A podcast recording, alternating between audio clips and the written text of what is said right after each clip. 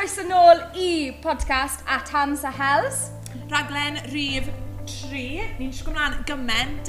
Um, ni wedi bod yn dwlu'r adborth ni wedi cael ar raglen 1 a 2. Mae wedi bod yn lot o fun. Ond heddi, ni wedi bod yn siarad amdano rhywbeth bach yn wahanol. Um, a ni wedi bod yn siarad amdano perthnasoedd. Popeth amdano relationships, cariad. Mor. Sorry, wake up call.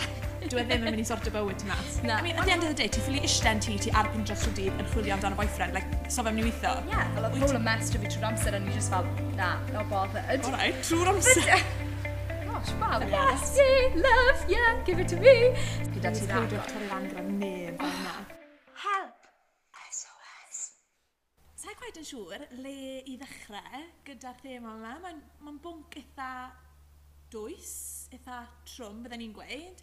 Um, ond, pam ni'n dechrau gyda ti, profiadau ti falle, gyda bod mewn perthnasoedd, achos fi'n twmlo fel lle di roi mewn ylediad bach i ni, um, fi'n siŵr bod lot o bethau dad i ti weithio ni, a fi'n twmlo fel, ie, yeah, fi wedi byw trwy cwbl o berthnasoedd gwahanol i ti wedi cael, ca cariadon gwahanol.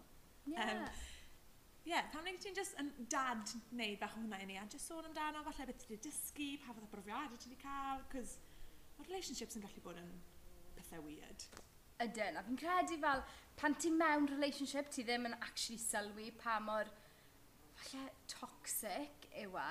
Mm. Ond, ie, yeah, fel mae pawb yn nabod fi fel y person sydd wedi cael like, loads o gariadon fel bob tro fel bydden ni'n dod ar rhywun fel i cwrdd â mam a dad, bydden nhw fel, oh, ie, yeah, newn ni weld pa mor gloi, pa mor hir mae hwn yn para. Mm. Ond hefyd fel, fi wedi cael perthnasoedd really hir, mm. fel mm. am amser mawr, fel... Ie, yeah, ti'n mynd just neud fling. Na. Ti'n neud y real thing. Yeah. Ti'n cymito. Fi'n, ie, yeah, a fi'n credu dyna beth yw'r thing, fel fi yn proper fel investo yn y person yna.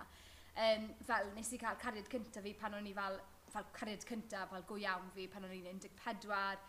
Um, nath hwnna para tan bod fi fel yn six form, a nath hwnna a nath hwnna just troi mas yn rili really fel, fi'n credu y ddau o'n i'n ifanc, o'n i'n naif iawn, um, o'n i'n meddwl, oh my gosh, byddwn ni'n byw gyda'n gilydd for the rest of our lives, fel oedd e'n really lush a really hapus, ond wedyn nath e, like, droi'n really fel ymosodol. Dim bod e byth di fel troi eto fi yn bersonol, ond like, oedd e di wneud pethau yn y perthynas yna, a ni bach fel... Alarm bells. Ie, yeah, a ni fel, dyw hwn ddim yn iawn. A wedyn ni, oedd dy fi cariad cyn mynd i'r brifysgol, um, a wedyn nes i orffen hwnna pan o'n i yn y brifysgol, jyst achos o'n i fel, oh my gosh, wow, mae dy fi ryddid nawr i wneud unrhyw beth fi moyn neud. Fi'n siŵr bod sawl person wedi neud. Ti'n mynd i brifysgol, ti'n dweud, allwn ni neud ei weithio, mae'n mynd i fod yn ffain. Wedyn, o fewn y misoedd cyntaf, mae pawb fel, yes, ai gyntaf. Ie. Ond oedd un fi fel o fewn yr wythnosau cyntaf. Ond fi cem, mae dy fi'r personoliaeth yma, fi ffili gweud na i pobl. Yeah. Nes i literally cael un o'r merched eraill i texto fel ffôn fi yn gweud fel, this is it, fel sa eisiau fod da ti'n agor. Nes peidiwch torri'r angra neb fel na. Oh, horrible, nag yw e? Mae'n literally'n horrible so wedyn ie, yeah, ges i fel phase yn y prifysgol lle o'n i bach yn fel mental, a wedyn nes i fynd gyda bachgen ar y cwrs, oedd e'n ifancach na fi, mm. um, ond rath hwnna yn dolan, nes i ddala fe yn gweili gyda merch arall. So mae just fel yn crazy, a wedyn ar ôl y brifysgol nes i gael perthynas um, gyda'r bachgen yma, ond oedd y perthynas yna yn, fi'n edrych nôl, a fi'n meddwl oh my gosh, tysa fi'n gweld rhywun yn y perthynas yna nawr, tysa fi'n llefen mm. dros y ferch, fel, um, a wedyn pan fi yn meddwl amdano fe, fi just fel, oh my gosh, mae hwnna mor drist, achos oedd lot o bethau'n digwydd yn y perthynas yna, o'n i'n rhoi personoliaeth fy hunan ar y lein, o'n i'n neud popeth ar gyfer fe, um, oedd lot o gaslighting yn digwydd fyna lle oedd e'n, oedd e'n toxic iawn gyda fi, a, achos oedd e fel y type o foi oedd e fel, well, if you don't come down, then I'm going to break up with you. A dde just a mental. A wedyn oedd y perthynas yna fel, o'n i constantly'n skint achos oedd rhai fi fel gwario arno fe ac sy'n ni'n neud so fi bydde'n talu achos bydde fe fel, well, I haven't got any money. A dde just yn awful o ran hwnna i gyd. Basically, fel, o'n i arfer lyfo toasties a wedyn nes i, es i'n vegan mm. a wedyn oedd e'n gwybod hyn a ddyn gwybod bod fi'n gluten intolerant ond wedyn oedd e fel, well, if you don't eat your ham and cheese toastie then I'm breaking up with you. A ti fel, Mae'n crazy nag yma. E? Fel, sut mae rhywun yn... Fi'n edrych nawr, fi fel, sut wyt ti'n gallu actually fel byw gyda gweud hwnna person, yeah. ond pan o'n i yn y berthynas yna, o'n i'n neud unrhyw beth ar yeah. gyfer y fe, a fel, fi'n gwybod fel, at the time, o'n i'n neud mas, oh yeah, fi'n really hapus, mae hwn yeah. really normal, achos o fi ddim yn gwybod, you know, beth oedd normal. Yeah. A wedyn fel, oedd hyd yn oed gyda hwnna fel ar Valentine's Day, oedd e fel, o'n i wedi bod trwy cyfnod really rubbish, a wedyn Valentine's Day, oedd e fel, oh, come down tonight, I'm going to take you out for food, dress really nicely, I can't wait to see you. Oh my gosh, wow, yes, yes, love, yeah, give it to me. So wedyn ni fel, oh my gosh, mor excited, is i lawr i ti fa. Wedyn, oedd e fel, come on I'm we'll get in the car. A dde dal yn dillad gwaith e, ni fel, okay, mae hwn yn really weird, o'n i wedi edrych yn really nice, the gwall fi'n really nice, the ddim yn greasy. Um, a wedyn... Na, pryd ti'n gwybod ti'n yr ymdrech, yeah, ti'n fel, fi'n golchi gwallt. Come on. Fi'n barod. Yeah. Um, a wedyn o'n i fel, oh my gosh, so where are we going? A dde fel, uh, Domino's. A ni fel... eto, mwy o tips. Pidwch byth mynd ar date i Domino's ar Valentine's Day. Ond bys y wedi bod yn ffain, jyst e ni moyn Domino's, jyst ni'n cael pizza, chill. O ti ddim moyn Domino's.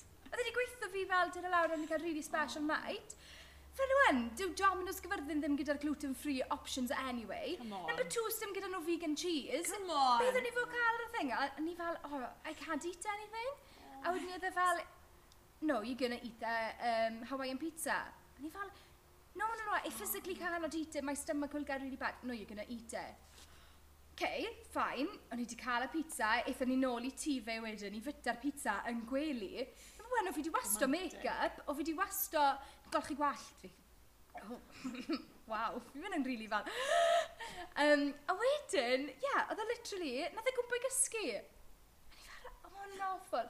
Ond dyna'r noson nes i gerdded allan arno fe, a ni fel, do you know what, dyma, this is it, fel, fi wedi cael digon o hwn. Mos, hwn yn rili ddiddorol, os ni'n jyst yn poso ar stories ti, yn y perthynas yna, um, yeah. ti'n sôn am sawl peth, fi'n credu sy'n rili really bwysig i dynnu sylw eto, um, o ran pethau fel, oedd y perthynas yn really one-sided, fel mm. o hmm. ti'n rydeg ar ôl fe, o ti jyst moyn neud fe yn hapus, oedd e ddim fel two-way thing, lle oedd e yeah. hefyd yn neud lot o ymdrech i neud ti'n hapus. Um, ond hefyd, fel o ti'n gweud, o ti yn teimlo'n trapped, fel nawr bod ti'n disgwyl nôl, ti'n gweld, like, oedd e ddim yn iachus. Ond mae'n rili really diddorol, chos ti'n teimlo fel, mae sa'r person falle yn mynd i unieithu gyda hwnna, mm. a meddwl fel, oh my gosh, yn y foment, o'n i'n meddwl, o'n i'n trial arddangos bod popeth yn really nice, o'n i'n trial rhoi hwn i gyd mas. Like, pan mae ti'n mynd twmlo fel, fi jyst yn lle cerdded i ffwrdd o hwn, fi'n mae gwerth fi lot fwy na hwn. Like, fi ddim gorfod roi lan gyda'r... Yeah. Gyda hyn, ti'n fi'n meddwl fel? Ie, yeah, achos fi'n credu bod ti ddim yn gweld hwnna. Fi'n credu bod mm. ei wneud fyd gyda fel y ffordd ti wedi cael dy godi, a fi'n gwybod bod fi personoliaeth really addictive yna, fel fi eisiau plesio rhywun, yeah. a fi eisiau gwneud yn dda dros y person yna. Ond ti ddim yn sylwi, fydden ni'n aros yn y car, tra bod e'n mynd allan gyda ffrindiau fe gyd, a wedyn bydden ni'n gorfod mynd â fe adre, a oedd e just an absolute nightmare, mm. ond ti ddim yn sylwi hwnna, a ti'n ti'n meddwl bod gwerth ti'n codi pan ti'n mewn perthynas fyd, mm. ond wedyn mae hwnna'n hollol wahanol i'r perthynas ges i fel um, gyda, mae'n popeth gyda'n gilydd, and I mean like popeth fel, mm. oedd e di mynd to the point lle, um, ie, yeah, bys ni'n mynd i'r gym gyda'n gilydd, a mae hwnna'n totally fine fel os yw dyna beth chi eisiau gwneud, yeah. ond pan ti'n gweld dy hunan yn newid a ti'n yeah. fformo mewn i'r person yna, sa'n mm. credu bod yn iachus, ond fel, literally, fel o'n i'n plano fel proposal fe blwyddyn yma, achos o'n i fel, mae hwn yn lipio, dyma beth fi eisiau gwneud, fel, a mae jyst yn mad, achos wedyn ath e i ffwrdd, a o'n i fel, ie, yeah, fi'n hollol cefnogi fel, hyd yn oed oedd e eisiau mynd i Merc, a o'n i fel, ie, yeah, I've got you, fel, ni'n mynd i wneud hwn i weithio, Ond wedyn fel two weeks later fi'n cael panic attack yn gwaith, fi'n really stressed, fel mm. ni newydd wneud night shoot, fi'n ringo fe, mae fel I can't do this anymore, fi angen freedom. Yeah. mae fe as if o ti'n mynd yn nabod unna'n terbyn y diwedd. Yeah. Um, so falle dim i fan yn gweud lot amdano fe, ond just amdano ti, a falle yeah. o ti achos o cymeriad ti wedi eisiau plesio fe a, a felly yn trial wrth cefnogi fe a trial ti'n ma'n, siŵr bod fe'n hapus, yeah. o ti wedi rhoi ti yn y back seat, yeah. a wedyn erbyn y diwedd pan oedd e falle ddim o amgylch gymaint, o ti fel, fi'n even anabod un am fi'n ragor, fel yeah. ble mae personoliaeth fi. A ti literally, fel, ti'n colli fel elfen yna o dy hunan, achos fel fi'n siŵr o ti di gweld fi'n mynd trwy fel mm. phases trwy'r amser. Ie, yeah, ond mae'n anodd fi'n credu pan ti ar y tu fas o perthynas, achos mae'n digon rwydd i hala barn ato, ti'n modd, yn enwedig ffrindiau agos ti, ti moyn o gorau ato nhw, so mae unrhyw beth yn fel, achos i alambels, ti fel, na, yeah. ti'n modd, fi digon cloi fod fel, ti'n trin ti'n iawn, ti mas. Yeah. Um, so fi'n credu falle, o ti wedyn yn fwy carcus o beth o ti'n datgelu, achos o ti'n gwybod na, ti'n modd meddwl, meddwl ti'n eisiau yeah. fi, falle feddwl yn wael amdano person o ti gyda, neu ti'n eisiau fi gweld ti yn drist, so bydde ti falle yn cwoto'r ochrau yna. So mae'n anoddach wedyn i pobl i trial helpu ti mas, yeah. um, a ni wedi siarad amdano hyn, ffrindiau yn aml yw'r pobl cyntaf i sylwi pan ti'n newid. Yn enwedig mewn perthynas, maen nhw'n ti'n mor dda. Yeah. Maen nhw'n gallu fod fel, beth sy'n mlaen, dim dyma ti. Yeah. Ond, um, mae'n gallu bod yn anodd, achos fel i ti wedi gweud yna, ti, like, o fewn y perthynas, mae rhaid i ti ddod i'r sefyllfa lle ti'n gallu gweld, oce, okay, dyw hwn ddim yn iachus, neu, oce, okay, fi wedi newid. Um, a dyw hwnna ddim yn dod o ffrindiau ti, like, maen nhw'n gallu gweud gymaint maen nhw'n moyn. Yeah. Dyw hwn ddim yn na, like, please. Yeah. Ond ar ddiwedd y dydd, ti'n mynd i ryndo achos ti'n caru person a ti'n meddwl bod ti'n gallu gwella rhywun neu ti'n meddwl, ti'n modd, o fewn perthynas gwael, ti jyst mm. eisiau falle clingo mlaen i fe. Um, nes bod ti'n mas a wedyn ti fel, o hwnna'n rybys. Ie. Yeah. Ti'n modd, mae rhaid ti wneud y penderfyniad na ddo, fi'n credu. Os yna sy'n anodd o ffrindiau achos neu teulu, mae'n lle bod yn really frustrating yn enwedig os ti'n gweld rhywun mewn perthynas gwael, achos ti fel, ti'n ti ma'n siglo rhywun a fod fel, pam na gyd ti'n lli gweld hyn. Yeah. Um, ond mae rhaid ti just cefnogi nhw a neu'n siŵr bod ti, ie, yeah, dal yeah, na i nhw. Ie, yeah, um, a bod ti dal yn ffrind i nhw. nhw'n barod i... Ie! Yeah! A fel fi'n credu bod e'n crazy ffaint ti yn colli dy hunan yn rhywun arall, ond ti ddim yn sylwi fe, mm. a fi'n mm. credu fel y fwyaf y fwyaf ti'n dod yn ymwybodol o dy hunan a dy gallu di a'r ffaith bod fel gwerth ti ddim yn cael ei seilio mewn rhywun arall. Fel, yeah. Mae'n rili really anodd, fel ni wedi cael ein codi'n gwylio ffilms fel romantic films a Disney films, fel lle mae bywyd ti'n rybys i blaw bod ti mewn perthynas. Fel, dyw friendships ddim yn meddwl dim byd, fel ond y relationship yna sydd yn bwysig. Mm. A fi'n credu tan yn ddiweddar, tan bod ti'n cael rhywbeth fel Frozen, ti'n dod mas lle mae Anna ac Elsa, chwiorydd, yn basically safio ei gilydd. Fel, yeah A ti ddim angen yr night in shining armor yna, fel mae'n neud... Nice. Ond mi'n credu mae'n ddiddorol fyd ddo, achos fel, ti'n ti wedi sôn amdano profiadau gwerth ti, ti wedi bod mewn sawl yeah. perthynas a ti wedi dysgu lot mm. amdano beth i ti'n disgwyl, um, amdano gwerth ti, ti wedi sôn amdano hwnna. So ti'n modd, it's not all bad, ond fyd, um, yeah. Sama, beth bydde ti'n gweud falle wrtho rhywun sy'n twmlo fel bod nhw'n mewn un o sefyllfaoedd neu ti wedi sôn amdano, falle bod nhw'n twmlo fel bod perthynas nhw'n one-way neu bod nhw'n trapped neu yeah. bod nhw'n colli penaniaeth nhw. Like, na, bod ti wedi bod yn i ysgidiau nhw, os rhywbeth bydde ti falle wneud yn wahanol neu bydde ti'n argymell i nhw? Ie, yeah, fi'n credu bys ni yn gweud wrth rhywun, tysa nhw yn yr sefyllfa yna, sa'n credu bod nhw'n sylwi mm. bod nhw yn y sefyllfa yna, ond mae yna rhywbeth yn cefn meddwl nhw, maen nhw'n meddwl, o, oh, okay, falle bod hwn ddim yn iawn, yeah. fel, falle bod nhw'n dawto, ond definitely, os mae rhywbeth ti fel yn meddwl, o, oh, sa'n gallu gweud hwnna wrth ffrind fi, yeah. wedyn be mae hwnna'n gweud yeah. wrth ti fel... Hwna mor wir. Fi'n gwybod fel, allan ni ringo ti am unrhyw beth, ond pethau yna ti ddim eisiau gweud wrth y pobl, wedyn dyna'r pethau ti angen cwestiynu a meddwl yeah, pam i fi fan hyn, fel, mm. yeah, fel ti angen rannu the good and the bad, Ond wedyn mae'r bits fel ugly yna. Yeah. Fel, maen nhw'n really worrying. A'r, ar fwyaf o amser ti'n treulio yn, yr ams, yn y cyfnod yna, mae jyst mynd i wneud popeth yn anoddach yn the long run. A fi'n gwybod mae fel, mae torri lan gyda rhywun yn anodd, fel mae'n mm. horrible. Yeah. Fel, os mae rhywbeth ti'n cwestiynu wedyn ti angen cwestiynu fel ydy'r berthynas yma yn gwella fi fel person yeah. a fi'n credu, ie. Yeah. A fyd, like, mae pob berthynas, dwi, dim un perthynas yn berffaith. Na. Like, ti'n mynd i gwmpa mas, ti'n mynd i... Ond, os i ti'n gwmpa mas, mewn perthynas da, iachus, mm. ti'n mynd i gallu gweud y ffrind ti. Ti'n modd fel, oh, wnaethon ni gwybod mas yn y blaen achos, like, so and so. Ti'n modd? Yeah, yeah. Um, so, os oes rhywbeth chi'n gwybod mas amdano, neu ti'n mynd hapus amdano, ti'n ffili gweud, wedyn, ie. yeah. Ond ti di bod yn hollol wahanol i fi. Fel, fi'n gwybod fel fi'n mynd yn addictive i pobl, fi'n mynd yn attached, fi fel, yes, love me. Oh ond... Oh my gosh, fi mor wahanol. Yeah, Ni yn rili wahanol yn y ffyrnau. Fi jyst yn byw pernasoedd fi trwyddo ti. fi fel na Helen, come on. Na, ti'n iawn, fi yn rili wahanol yn y ffordd um, fi'n fi ffindo fe'n rili anodd i wneud beth i ti'n wneud. Yeah. A fi wastod jyst yn cadw pobl lle braidd. Ie, yeah, dan. Fi'n credu jyst achos, a fi wastad wedi bod fel yna, jyst er mwyn um, edrych ar ôl am fi. So, ffordd i fi'n gwele, mae'n bach complex, ond like, i fi literally fel, pam ti mewn perthynas, like, ti literally goffod roi rhan o ti rywun, ti goffod mm. datgelu popeth, ti goffod ti'n modd, bwrw waliau i gyd lawr, um, a dyna beth ti'n cymito i o fewn perthynas. Ond wedyn, unwaith ti'n gadael rhywun mewn, ti fel, oce, okay, wel nawr mae hawl dyn nhw, neu mae lle gyda nhw i torri fi, torri fi, in the sense of, ti'n modd, unwaith mae rhywun na bod ti'n really dda, a maen nhw'n torri calon ti, wedyn ti fel, wel... Yeah. So wedyn, wrth cadw pobl lled braich i ffwrdd, ti'n just edrych rôl yna ti achos ti fel, wel, na beth gadael rhywun digon agos i torri calon fi, so fyddai'n ffain am beth. Yeah. Ond mae hwnna'n swno bach yn extreme, fel... Like, nah, fi'n yeah. bodlon fod mewn perthynas, ond fi wastad wedi bod yn cautious.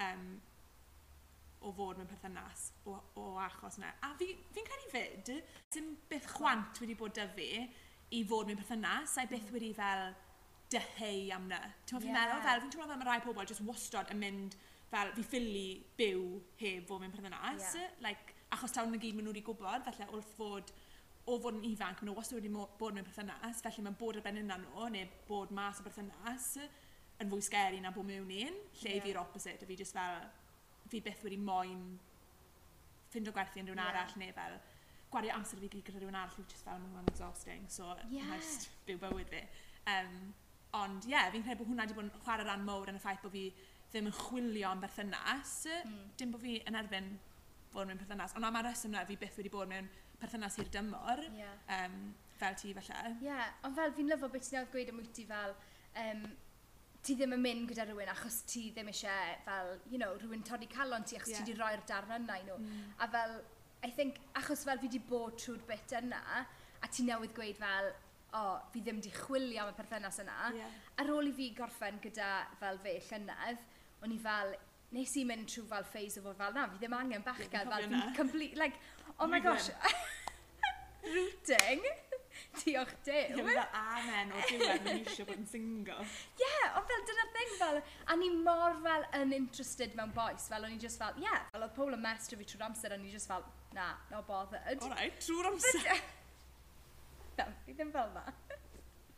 na, ond fel oedd pobl yn hel negeseuon yeah, fi, a ni yeah. just fel, not bothered. Yeah. Ond hefyd fel, ti'n bod ti'n gweud am ti fel sut, um, o'n i'n siarad gyda e amdano sut mae perthnasau fel, you know, yn cael ei creu yn amazing ar social media mm. ac, you know, fel, oh yeah, mae'n, you know, ni'n mynd i fynd am brunch ar y weekend neu ni'n mynd am long walks a mae'n yeah. really nice. Ond fi'n credu nawr ni wedi bod yn cyfnod lle literally fel ti'n deito ar FaceTime a yeah. dyna beth yw dates nawr a fel yeah. mae'n completely wahanol a fel mm. fi'n really teimlo bod fi wedi gallu dod i nabod y person yma. Yeah. Mae fe wedi nabod fi am who I am, dim this image fi'n rhoi mas ar social yeah. media a ddim Achos y stwff ni'n gorfod wneud. Ie, yeah, a weithiau mae pobl yn twmlo'r bwrau nhw fel i berfformio, bwrau nhw roi'r gorau ymlaen trwy'r amser, a wedyn mae hwnna So hwnna'n sylfaen da ar gyfer perthynas achos ar diwedd y dydd mae hwnna yn mynd i stopo a mae'r perthynas ddim wedi seilio wedyn a ti yeah. just fel, oce, okay, wel mae hwnna'n exhausting, fi ffili perfformio trwy'r amser. Yeah. Um, so mae hwnna jyst yn dangos bod chi wedi gwreiddio perthynas chi ar fel y pethau cywir, bod chi'n yeah. nabod gilydd, chi'n licio'ch gilydd. Um, Literally. Ti'n teimlo bod fod yn single wedi fel helpu ti'n Llundain? Siwr ti'n ffindio bod hwnna i gyd i bod? Um, Ie, yeah, cwestiwn da. Um, fi'n gwybod, ti siwr o fod yn gwybod, ond nes i, nes i wneud penderfyniad cyn mynd i Llundain, o'n i wastad just fel, fi ddim eisiau mynd i Llundain a sboner, neu fi ddim eisiau gwario blwyddyn cyntaf fi yn deto, mm. neu a sboner, achos o'n i'n gwybod, fi'n credu hefyd achos o'r profiadau o'n i wedi gweld pobl eraill yn cael, o'n i'n gwybod bod hwnna jyst mynd i newid profiad fi, fel, er enghraifft, tas o fi wedi mynd o Gymru a sboner adre, bydden ni wedi bod adre bob yn ail weekend, yeah. bydde fi'n wedi gwneud ffrindiau yn Llundain, bydde fi wedi bod yn becso amdano rhywun arall.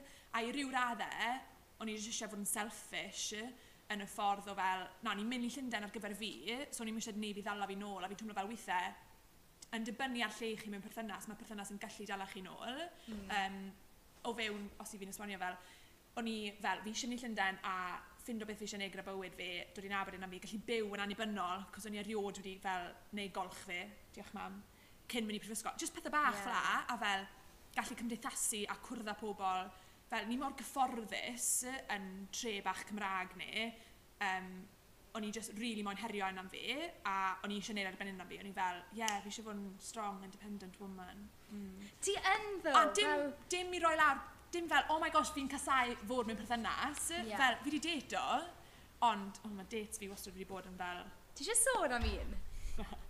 Sa'n sa crazy data, ond ti'n meddwl pan ti'n dato rhywun a ti'n meddwl bod ti ddim yn dato a wedyn ti fel, oh, falle taw date oedd hwnna, oh my yeah. gosh, anghyfforddus, cos o'n i'n meddwl bod ni'n friends a wedyn, oh, Mae spoilio stuff gyda. Mae fine line rhwng fod yn ffrindiau gyda rhywun a data nhw. Anyway, yeah. so o'n i just wastad fel, fi eisiau neud Llundain i fi, fi eisiau cael y profiad hyn. A wedyn fyddai'n barod, unwaith i fi'n gwybod beth fi eisiau neud gyda bywyd fi, a na bod unna'n fi, fi'n teimlo fel fyddai'n gymaint gwell mewn perthynas, a fi'n aros wrth y gair yna, like, i heddi, fi'n gwybod fyddai gymaint gwell mewn perthynas. Nawr bod fi, ti'n modd, wedi neud na, um, a mae ma pawb yn wahanol, ond like, o'n i wastad yn bendant amdano na, neu amdano yeah. agwedd na o bywyd fi, bod fi jyst eisiau neud fi, achos, dyn the day, os i fi, Dwi perthynas, fi ddim yn gweld diwedd mewn perthynas. Dim i roi pwysau ar perthynas, ond sa'n mynd mewn i fe i fod fel, o, oh, dyd o'r person hyn i garwyn hapus am gwbl o fisiol, bydd hwn yn neis dros yr haf. Yeah. Carwyn, like, sa'n gweld e fel na. So, obviously, dwi'n perthnasau ddim wastad yn gweithio mas. Ond, os i ti'n mynd mewn gyda disgwyliadau bod e ddim, bod e'n mynd i weithio, wedyn ti gyda'r person o'n gweddill bywyd ti, a fi fel, yeah. fi'n 21, fi, hwnna'n amser hir, like, fi angen amser fan hyn ond fi, a wedyn na'i neud y bit na i... Ti'n meddwl fi'n meddwl yeah. fel, Yeah. Um, so, fi'n credu, fi'n ddiolchgar bod fi wedi, fel o si wedi sôn gynnau fel y ffordd ti wedi cael ei godi. Mm. So, o'n i beth yn chwilio am cariad neu gwerth mewn bechgyn, achos o'n i wastad wedi cael gwerth na'r cariad adre. Like, o dad fi wastad yn galw'r gallu mas o fi, wastad yn rhoi gwerth arno fi, um, yn buddsoddi cariad arno fi. Um, so wedyn o'n i'n gwybod gwerth fi, a ni byth yn mynd i fel... Oedd e, as if bod dad oh, fi wedi roi'r safon. safon, a wedyn oedd bob boi yn siarad dda fel, na, wait, ti'n trash, fel, yeah. mae dad fi'n awesome, fi ddim gorfod um, lleihau safona fi. Yeah. Um, so fi'n rili really ddiolchgar amdano hwnna, achos fi'n gwybod bod rai pobl ddim o'r ffodus a falle ddim wedi gweld perthnasau da, So wedyn maen nhw'n jwmpo mewn i perthnasau a maen nhw'n fel, o, wel, falle taw dywst, dyma sut mae perthynas yn edrych, whereas realistically fi'n gwybod, like, mae'n gallu bod yn dda, so sa'n mynd i... Ie, yeah, achos fi'n credu bod e'n dod lawr i fel, mae cariad ti'n derbyn pan ti'n ifanca, mm. mae hwnna definitely yn effeithio. Fel fi'n gwybod fel bydde mam yn, you know, bydde hi ddim yn, oh, caru fi, ond bydde hi'n, fi'n gwybod bydde fi'n plesio mam wrth yeah. wneud yn dda yeah. yn ysgol. A fi'n gwybod bydde hwnna fel, So ie, yeah, mewn ffordd ti'n ennill cariad yn yeah. lle just derbyn e. A, a hwnna'n neud sens wrth y stories ti wedi sôn lan am ymwneud yeah. ti'n twmlo fel o ti angen ennill e, a ti angen yeah. gweithio amdano fe.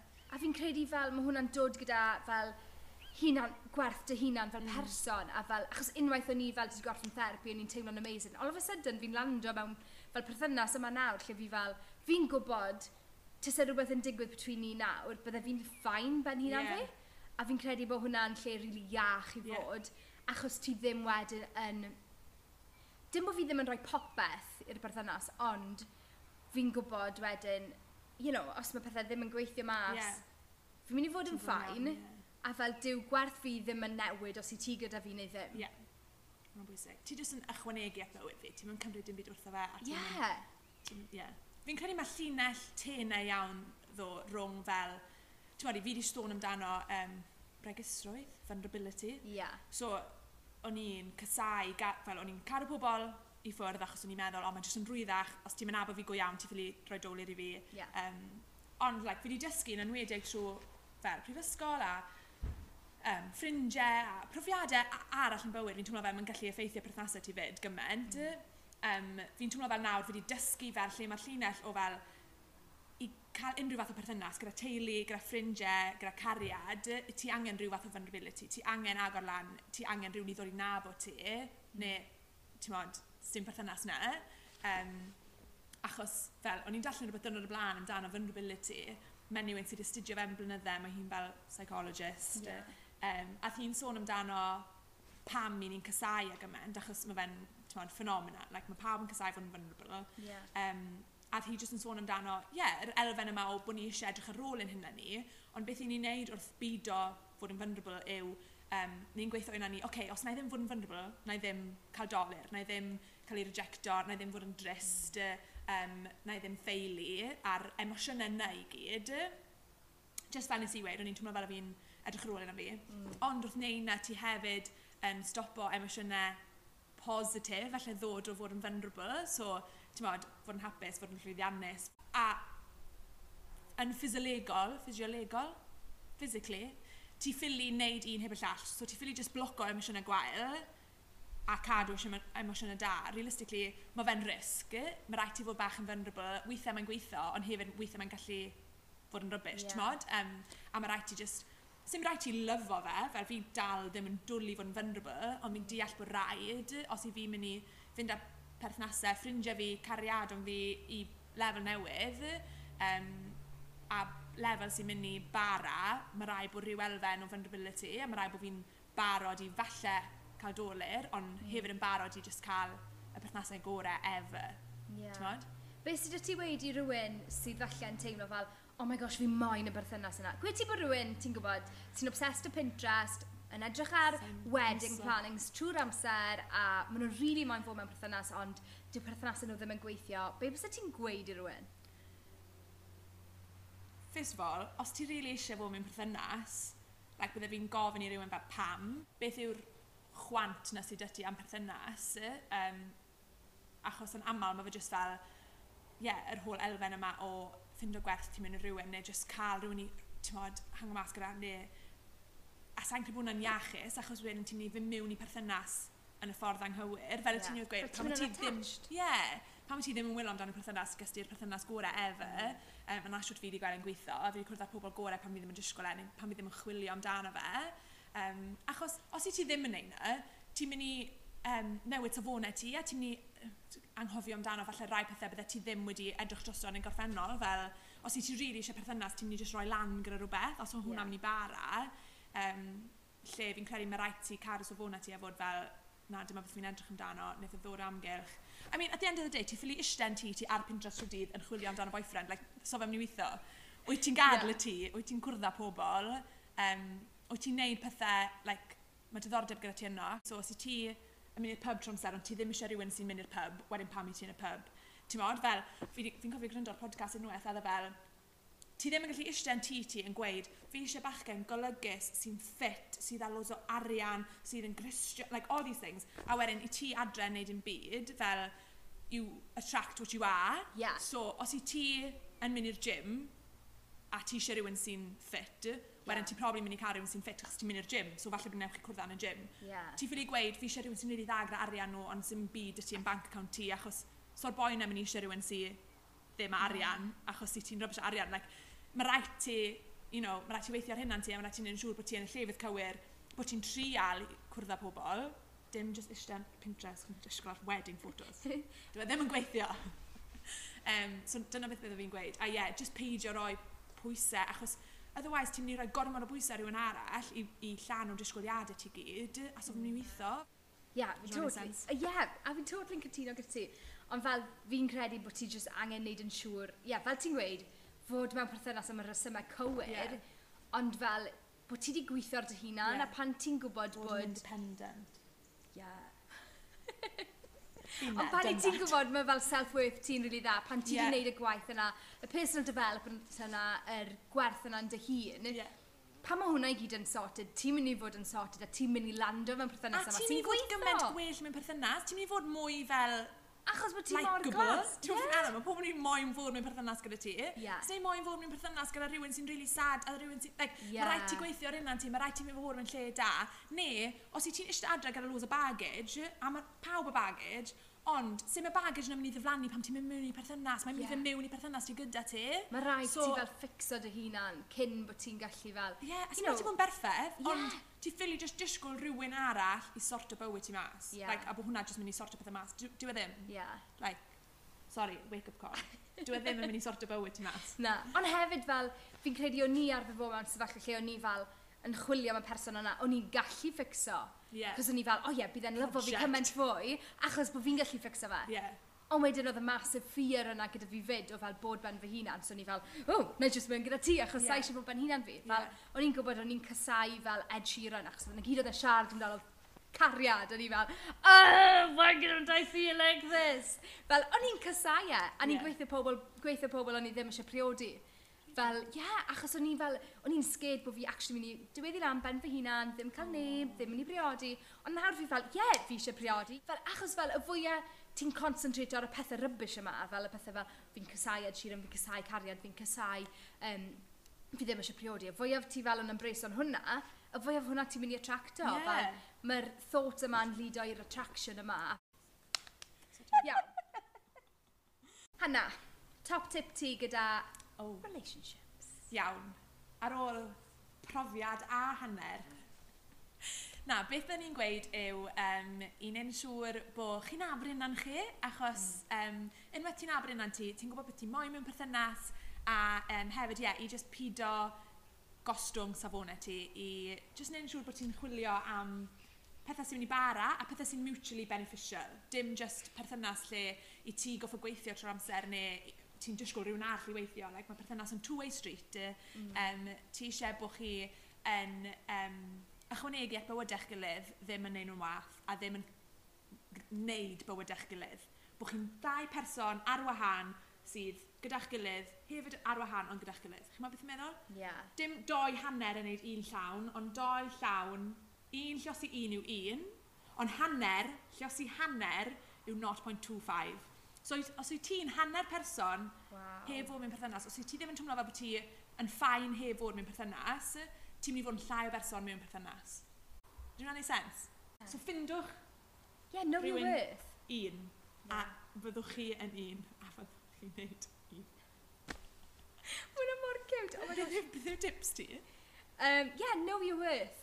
A fel, peidiwch fod yn, fel I think fel, fi'n edrych nôl ar y gorffennol fi fel, oh my gosh, fel mor embarrassing, ond peidiwch fod yn ashamed o fe. Os ych chi wedi bod yn, ie, yeah, os chi wedi bod that person fel, fel fi, fel jwmpo un o'r llall, achos bod cymaint o bethau chi ddim yn hapus gyda yn eich hunan, um, mae hwnna'n completely fine, fel, ond just stopwch wylo am y person yna. Yeah. Stopwch meddwl bod bywyd chi yn mynd i fod cymaint well achos bod chi gyda bachgen neu merch. Mae'n gallu fod yn well, Oh, definitely. Ond, mae'n gallu fod jyst mor dda heb perthynas. Diolch yn fawr iawn am gwrando. Ni wedi cael gymaint o hwyl yn siarad amdano cariad a um, yeah, pam sy'n rhaid i pethau bod yn hwngydori, sy'n rhaid i bod yn perthynas Disney i fod yn hapus. No. Um, ni'n dwlu ag o sgwrs ffiliad sy'n clywed wrthoch chi allwch chi ffindo ni ar Instagram at Hansa Hells neu e-bostiwch ni. Ia. Yeah panzerhouse at gmail.com. Neu jyst dewch nôl wrth asesa. Lle byddwn ni'n siarad am fwy o bethau really exciting. Yeah. Welwn chi dros.